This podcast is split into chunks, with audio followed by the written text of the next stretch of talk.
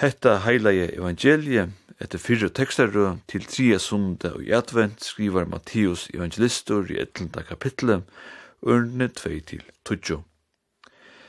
Men ta ui Johannes ui fengahusen fratti um versk Krists, ta sendi han bo vi lærersvein søgnon og la sia vi han.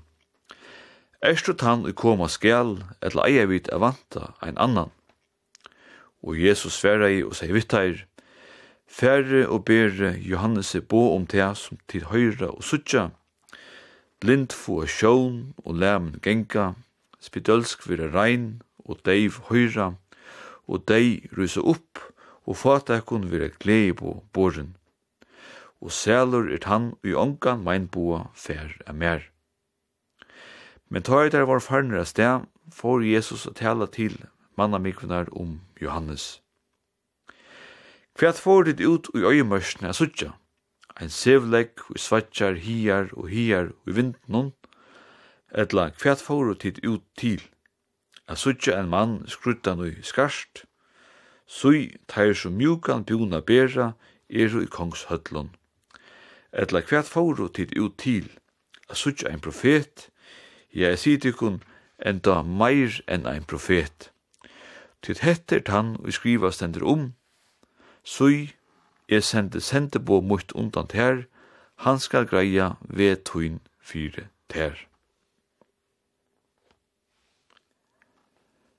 Erstu tannu koma skal, eller eia vita vanta ein annan, spyr Johannes Døybaren, Jesus, vi pratik og tekst noen til i morgen. Her trygg er, er ive ofta eisne, til er rattlega menneskaslitt. Og det er heller ikke så løye at Johannes Støybaren var ørskimlaver her han sett og i fengatippen om tja Herodes Antipas er tog at Johannes hei løfser at telle et at landsens mætast mævor hei eina tjakono. Hetta vita bægi evangje listander og den jødiske søvskrivaren Josefus a sia. Johannes Døybaren var ein politisk fengje, ein samvisk fengje. Ta i tøyne var ønsken mannarotten da det var hilden som vi gjør i det, 12. desember, som er alt tjåa mannarotten da det var. Og at bruk enn i fyrir enn slukon deie og soltmala, må vi bare stafesta, Nå folk enn vera sett i fengatippe fyrir sunni år og tankar, eins og Johannes døybaren vær. Ja, hovast vid i fyrjun hesa vikuna hava hatt her hilt fölkareie, vi a sleppa og vel. Hevur demokratie, til er ikkje godt atla stane. Heldur ikkje i okkar heimsparste til verre. Johannes Døybaren var altså frustrera over. Ja, kjolt han. Beint etter hetta brote som er prætik og tekstur til morgen, sier Jesus at ongen føtter av kvinno er større enn Johannes døyparen. Han fyre reika i arbeid til Jesus og døpte Jesus. Han skulle greia vegin. Og er hette heie Johannes døyparen tåsa herliga til føltje og mittel anna røpt tid orma ungar, men nu spyr han og i sunne iva eia vit at vanta ein annan. At ivast kan altså vera til besta fyre. Johannes var bunden og sin fengatippe, slapp ongan ve, og det var kanskje ikkje så løye, og man var kanskje sintur for argavur av støvene. Ja, nå sier jeg for argavur. Og i teksten til morgen sier Jesus mittel anna, at sælur er tann i ongan meinboa fer er mer. Og i griska upprunna teksten vil hetta nevnt vi en åre, og i eitur skandalon og er ui at i åre skandala. Eine skandalo teka vi okkun tykni av, vera forarga av, etla få meinboa av, som vi lausu ui biblion tuinsne tja Jakob Dahl. Johannes bægi ivast og teka seg ganska tykni av støvene, og Jesus er heldur ikkje heilt greier usun og svære, om han er han koma skal, etla om det skulle vanta ein annan.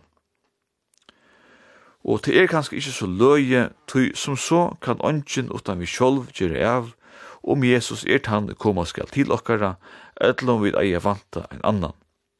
Vi gjør sjolv av, om vi vilja hava han a koma til okkara. Jesus sverar altså ikkje vi a sige ja eller nei, men sverar at blind få sjån, spidølsk vira rein, og deiv høyra, og dei rusa opp, og fatakon vera glei på boren. Og hetta er ikkje så lyte. Sverre er eit sitat ur Gamla Testamentet fra profeten Jesaja, som var eit kjent sitat ta ui tøyene. Og ta, Jesus teker ikkje alt sitatet vi, tog sitatet er så ljåande. Sige vi hine dirvis, lytlo, veri horest, öttest ikkje, suttje godtikkara, nu kjemur hemten, endur gjald fra gode, han kjemur er frelsa tikkun, ta skulle eio hinna blindo letast upp, og øyro hinna deivo opnast, halter latta ser oa som bjørstur, og måleis tunga lovsinkur. Tui eit ui øymørsne, vanslinder spretta, og løtjer ui reinun. Jesus leip altså årene om hendene fra god i om. Det samme gjør han ta han helst sina første prætiko i Nazaret, her han les ur bogene tja Jesaja. Det vil si at bæg ui synagogene i Nazaret og fyrir tog ivande Johannese, døybæren under fangselen, siterar Jesus ikkje hevdina, men legger at træt fyrir Johannese, at han er komin a lekjas bedølsk, reise opp til deio og kunngjøre fatakon glede på. Ikke bare teimun materielt fatøkko, men eisne teimun og i andanon fatøkko.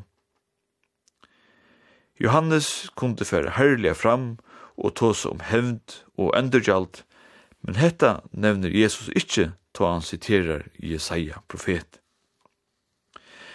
Jesus rosar Johannes ta han fyrir tåse om han, Med landa spyr Jesus folk om det heter vanta a se ein sevleg svetja ui vintenon ta det så Johannes.